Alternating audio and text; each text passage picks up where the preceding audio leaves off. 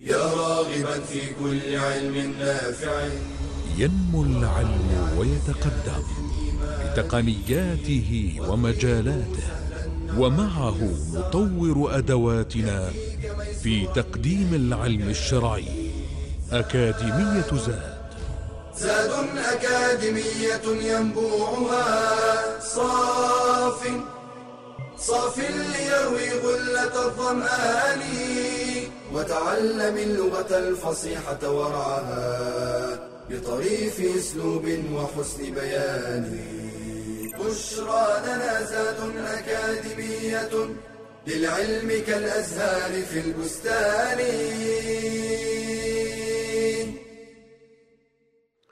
بسم الله الرحمن الرحيم. الحمد لله رب العالمين والصلاة والسلام على نبينا محمد وعلى آله وأصحابه أجمعين. أما بعد السلام عليكم ورحمة الله وبركاته. حياكم الله وبياكم في هذا الدرس الحادي عشر من دروس المستوى الثالث من مقرر اللغة العربية في أكاديمية زاد. نشرحه بإذن الله في سنة أربعين وأربعمائة وألف. وفي هذا الدرس بإذن الله سنتكلم على مفعول جديد من مفاعيل الخمسة وهو المفعول فيه. والمراد بالمفعول فيه ظرف الزمان وظرف المكان. فتعريف المفعول فيه أنه اسم منصوب يبين زمان الفعل أو مكانه على معنى في. كل اسم منصوب يبين زمان الفعل أو مكان الفعل ويكون على معنى في فهو مفعول فيه. فإن دل على مكانه فهو مفعول في مكانه ويسمى ظرف مكان. وإن دل على زمانه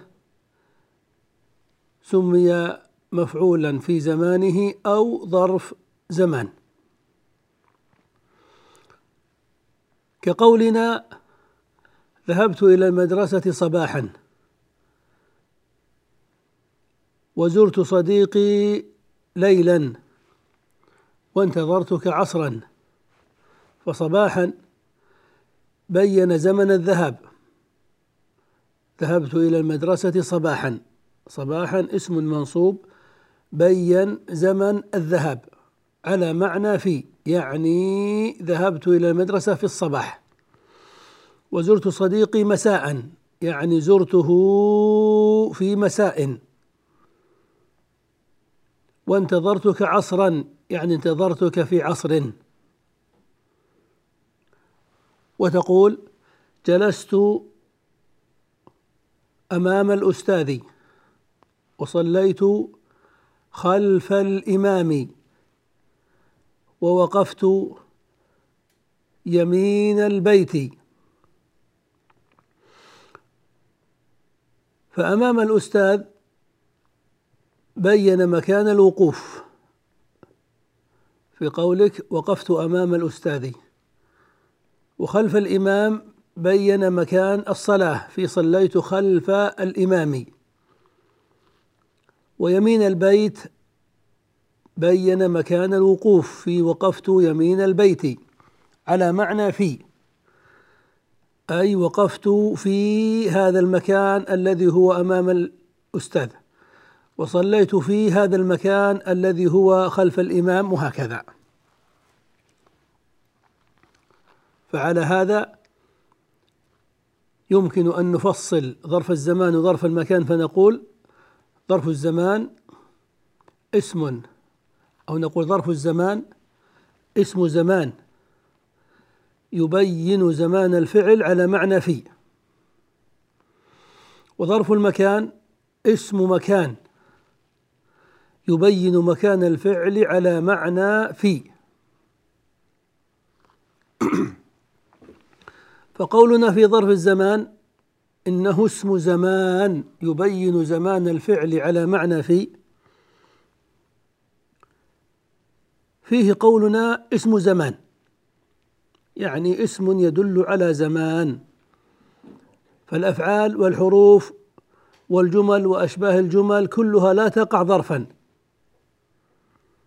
بل لابد أن تكون اسم زمان. يعني ليست كل الأسماء أيضا يجوز أن تقع ظرف زمان بل لابد أن تكون من أسماء الزمان. ما المراد بأسماء الزمان؟ كل اسم دل على زمان. مثل وقت وحين وزمن وزمان ومدة ومثل صباح ومساء وعصر ومثل ساعة ودقيقة ويوم ودهر وسنة ونحو ذلك. أما جدار وكرسي وقلم فهذه أسماء لا تدل على زمان فلهذا لا يتصور فيها أن تقع ظرف زمان. فهذا معنى قولنا اسم زمان. قال في التعريف يدل على زمان الفعل. يعني الوظيفة التي تؤديها في هذه الجملة أنها تدل على زمان الفعل. فقولنا ذهبت إلى المدرسة صباحا صباحا اسم زمان طيب وظيفته في الجملة أنه دل على زمان الذهاب متى وقع الذهاب؟ فلهذا يقال إن ظرف الزمان جواب لقولنا متى وقع الفعل. متى؟ سؤال عن الزمان لكن يشترط في بيانه لزمان الفعل أن يكون بطريقة خاصة. وهي ما بينه باقي التعريف في قوله على معنى في. يعني لا بد أن يبين زمان الفعل على معنى في. يعني يمكن أن تقدر قبله حرف الجر في.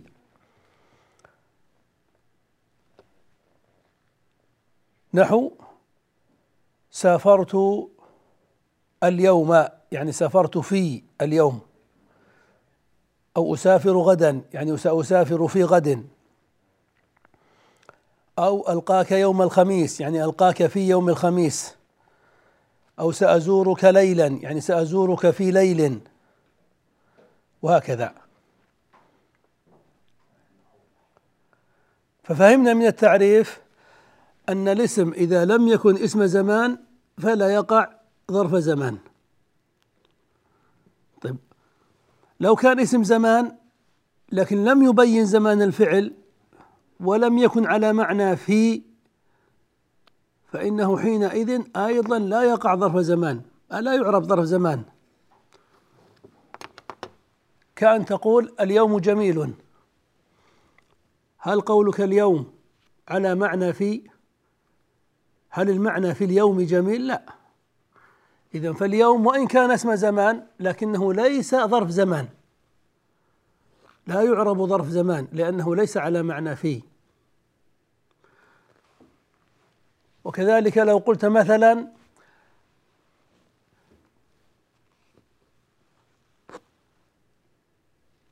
غدا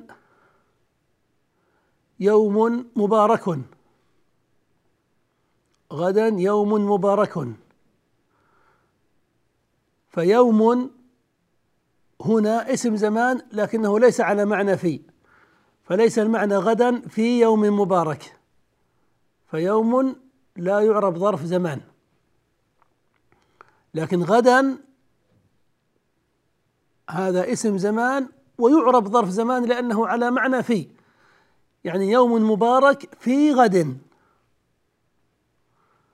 فليس كل اسم زمان يكون ظرف زمان حتى يكون على معنى في. وكذلك ظرف المكان. نقول في تعريفه اسم مكان يدل على مكان الفعل ويكون على معنى في.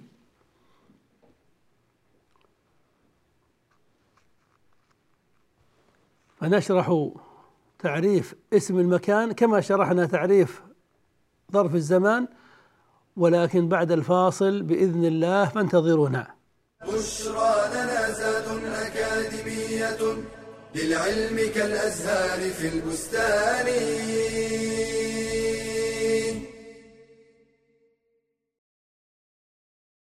ما من أحد يدخله عمله الجنة فقيل ولا أنت يا رسول الله قال ولا أنا إلا أن يتغمدني ربي برحمة. فكل الخلق محتاج إلى رحمة الله. فإذا أردت رحمته فخذ بأسبابها واعمل بموجباتها. ومن أعظمها الإيمان بالله. قال تعالى إنه كان فريق من عبادي يقولون يقولون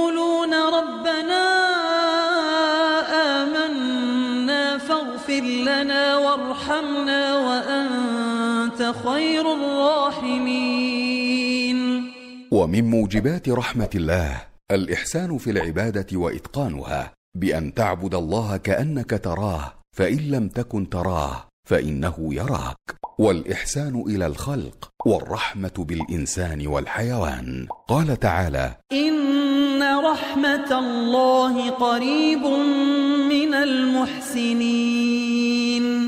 وقال صلى الله عليه وسلم الراحمون يرحمهم الرحمن ارحموا من في الأرض يرحمكم من في السماء. ومن موجبات رحمة الله التقوى وهي أن تجعل بينك وبين عذاب الله وقاية وذلك بفعل الطاعات وترك المحرمات. قال تعالى وأطيعوا الله والرسول لعلكم ترحمون. ومنها اتباع القرآن والعمل به والاستماع إليه. قال تعالى وإذا قرئ القرآن فاستمعوا له وأنصتوا لعلكم ترحمون.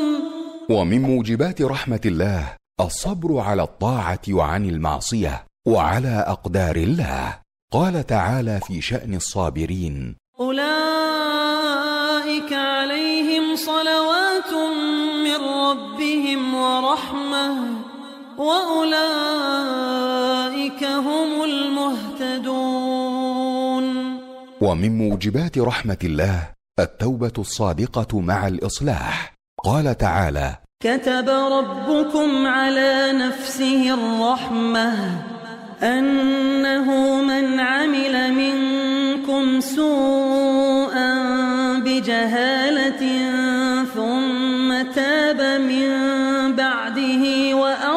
فأنه غفور رحيم. ومنها الإنفاق في سبيل الله. قال تعالى ومن الأعراب من يؤمن بالله واليوم الآخر ويتخذ ما ينفق قربات عند الله وصلوات الرسول. ألا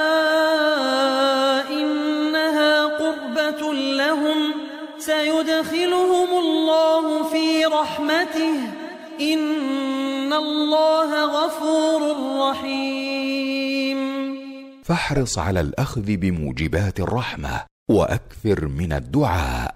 قال تعالى وقل رب اغفر وارحم وأنت خير الراحمين.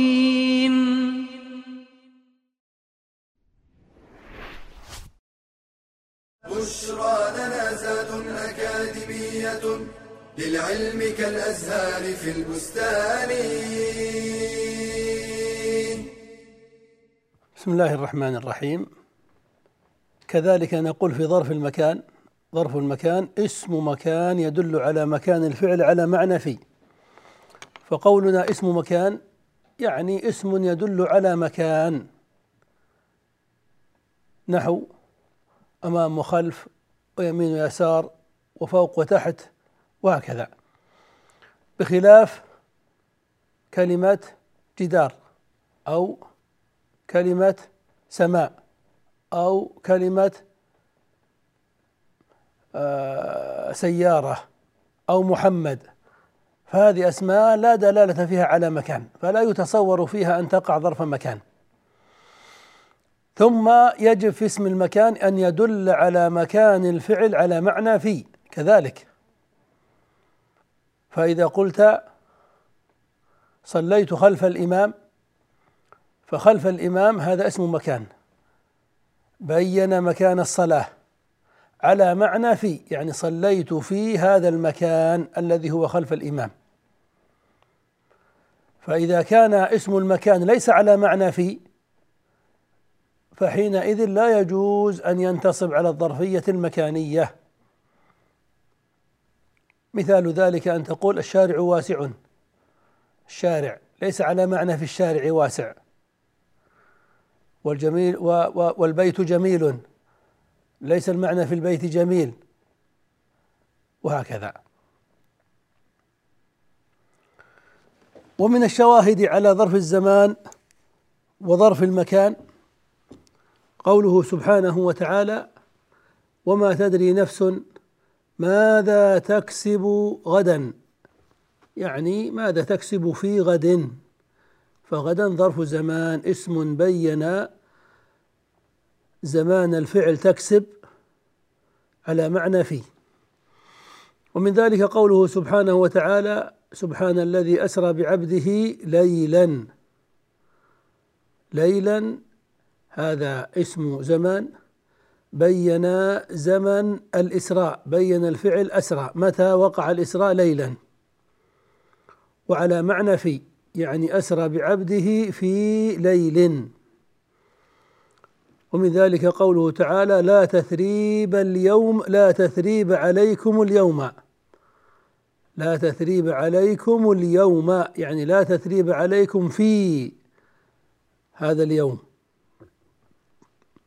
وقال تعالى وبنينا فوقكم سبعا شدادا. يعني بنينا سبعا شدادا في هذا المكان الذي هو فوقكم. وقال تعالى كانتا تحت عبدين من عبادنا صالحين. كانتا أين كانتا؟ في هذا المكان الذي هو تحت عبدين من عبادنا صالحين. فهذا هو تعريف ظرف الزمان وهذا هو تعريف ظرف المكان.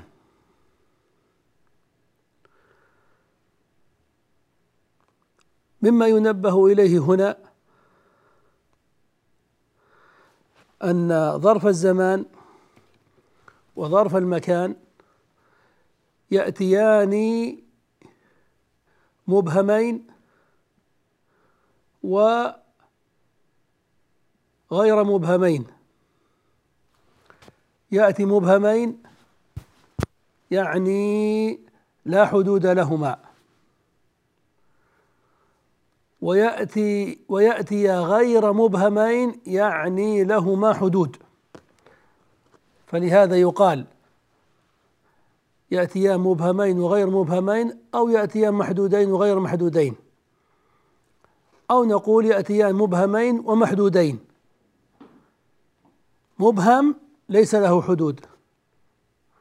طيب ومحدود يعني له حدود ليس مبهما. فقولك دهر وزمان ومدة هذا مبهم أو محدود؟ مبهم. طيب وقولك يوم وساعة ودقيقة وصباحا ومساء. هذا مبهم أو محدود؟ هذا محدود. فظرف الزمان يأتي مبهما ويأتي محدودا. وكل أسماء الزمان مبهمة كانت أو محدودة كلها يجوز أن تنتصب على الظرفية الزمانية. تقول انتظرته يوما. أو انتظرته مدة. وتقول زرته صباحا أو زرته حينا من الدهر.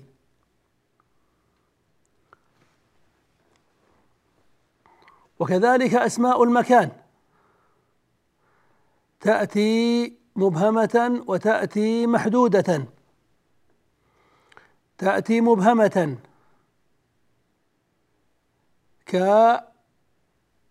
كاسماء الجهات النسبية وهي أمام وخلف وفوق وتحت ويمين ويسار وما كان في معناها. نسبية أمام. أمام ماذا؟ أمام ما تضاف إليه. أمام بالنسبة إلى ما تضاف إليه. بخلاف الجهات الجغرافية شمال وجنوب وشرق وغرب فهذه جهات ثابتة. يعني شمال السعودية ثابت. جنوب مصر ثابت. فهذه جهات جغرافية. بخلاف الجهات النسبية التي تختلف باختلاف المضاف إليه. قلنا وهي أمام وخلف ويمين ويسار وفوق وتحت وما كان في معناها. هذه مبهمة. جلست أمام. جلست أمام البيت. هل تستطيع أن تحدد أمام البيت بحدود؟ كل ما يقع أمام البيت فهو أمام البيت. ولو ذهبت مترا أو مترين أو كيلا أو كيلين أو بريدا أو بريدين كل هذا أمام البيت. فكلمة أمام البيت ليس له حدود ثابتة واضحة ينتهي إليها.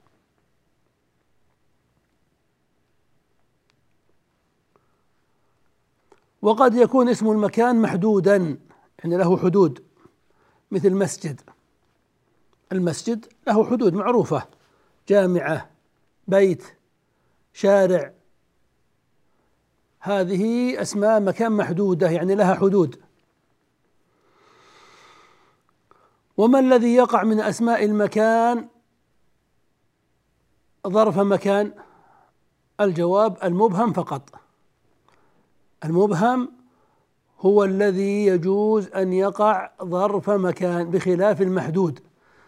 المحدود لا يجوز أن يقع ظرف مكان. فتقول جلست أمامك وخلفك ويمينك ويسارك وجلست تحت الشجرة وفوق البيت. أما اسم المكان المحدود فلا يجوز أن ينتصب على الظرفية المكانية. لا تقول درست الجامعة تعني في الجامعة أو نمت البيت تعني في البيت أو سرت الشارع تعني في الشارع أو صليت المسجد تعني في المسجد هذا لا يجوز بل لا بد من التصريح بحرف الجر.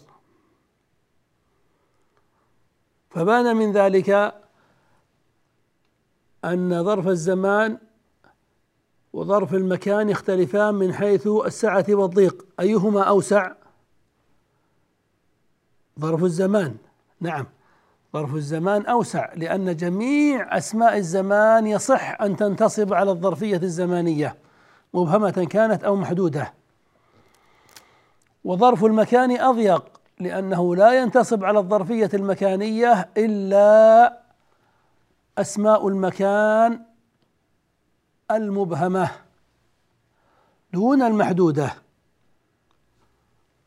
فبان من ذلك أن ظرف الزمان أوسع من ظروف المكان. فهذا أيضا من أحكام ظروف الزمان وظروف المكان التي سنستكملها إن شاء الله تعالى بعد الفاصل. فانتظرونا. بشرى لنا زاد للعلم كالأزهار في البستان.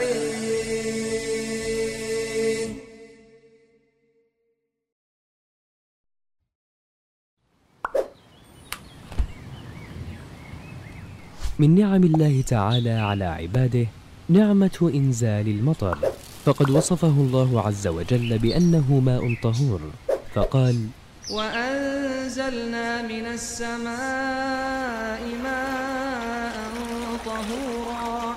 كما وصفه بأنه ماء مبارك في قوله تعالى ونزلنا من السماء ماء مباركا فأنبتنا به جنات وحب الحصيد.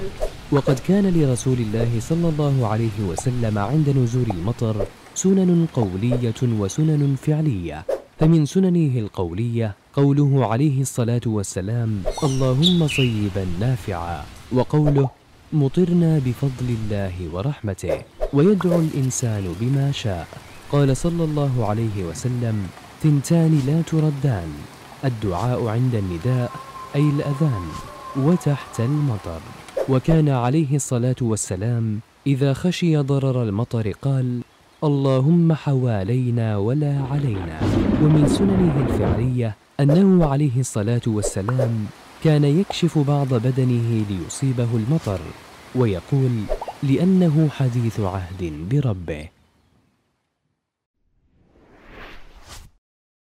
بشرى لنا زاد أكاديمية للعلم كالأزهار في البستان. بسم الله الرحمن الرحيم.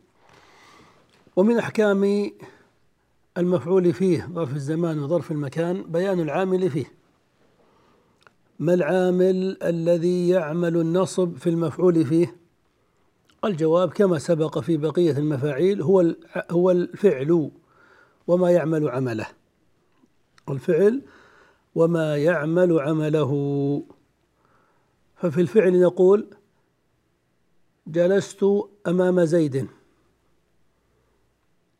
وسافرت يوم الخميس. ومن الأسماء التي تعمل عمله اسم الفاعل.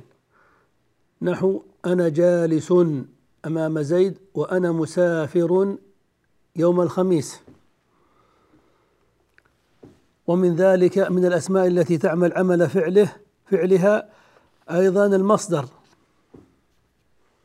المصدر كقول جلوسي يوم الخميس أحب إلي. جلوسي يوم الخميس يعني في يوم الخميس. سفري اليوم أحب إلي من سفري غدا. يعني سفري في هذا اليوم أحب إلي من سفري في غد. وهكذا. ومن الأسماء العاملة عمل فعلها اسم المفعول. كقوله فلان مضروب غدا يعني سيضرب في الغد. وأنا متعب اليوم. متعب. ومن الأسماء العامله عمل فعلها الصفه المشبهه نحو فلان شجاع عند الحروب. وحليم عند الغضب فعند ظرف زمان لدلالته على الزمان. فالخلاصة أن الذي يعمل النصب في المفعول فيه الفعل وما يعمل عمله. والأمثلة والشواهد على ذلك كثيرة جدا. ومن أسماء الزمان التي تدل على الزمان أسماء غير متصرفة وأسماء متصرفة. فالأسماء المتصرفة هي التي تأتي ظروف زمان وتأتي غير ظروف زمان مثل كلمة يوم. قد تأتي تنتصب على الظرفية الزمانية وقد تخرج تكون مبتدأ أو فاعلا. فتقول اليوم جميل مبتدأ وجاء يوم الخميس فاعل. وتأتي أيضا ظرف زمان تقول سافرت يوم الخميس. نقول هذا ظرف متصرف. يعني يأتي ظرفا ويأتي غير ظرف. وكذلك صباحا ومساء وساعة. هذه كلها ظروف متصرفة. وأما الظروف غير المتصرفة فمعناها الظروف التي لا تخرج عن الظرفية. لا تستعمل في اللغة العربية إلا ظرفا. وقد تخرج من الظرفية إلى حالة واحدة أن تجر بحرف الجر من. مثل عند ولدى وقبل وبعد. تقول جلست أو تقول زرته عند الغروب. وسافرت قبل الشروق. ظرف. وقد تجر بمن. سافرت من قبل الشروق. لكن لا يمكن أن تخرج عن هذين الأمرين. لا تكن مبتدا ولا فاعلا ولا مفعولا به ولا غير ذلك. هذا ظرف غير متصرف.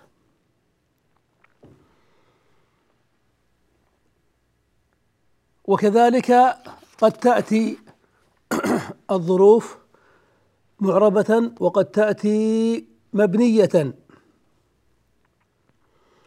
قد تأتي معربة وقد تأتي مبنية وهذا شرحناه وألمحنا إليه في باب المعرب والمبني. فالأصل والأكثر في الظروف أن تكون معربة. كيوم تقول يوم ويوما ويوم فهو معرب. فإذا صار ظرفا انتصب على الظرفية وقبل علامة النصب. فإن كان مفردا نصب بالفتحة انتظرته يوما وإن كان مثنى نصب بالياء انتظرته يومين وهكذا. يعرب إعراب الأسماء المعربة.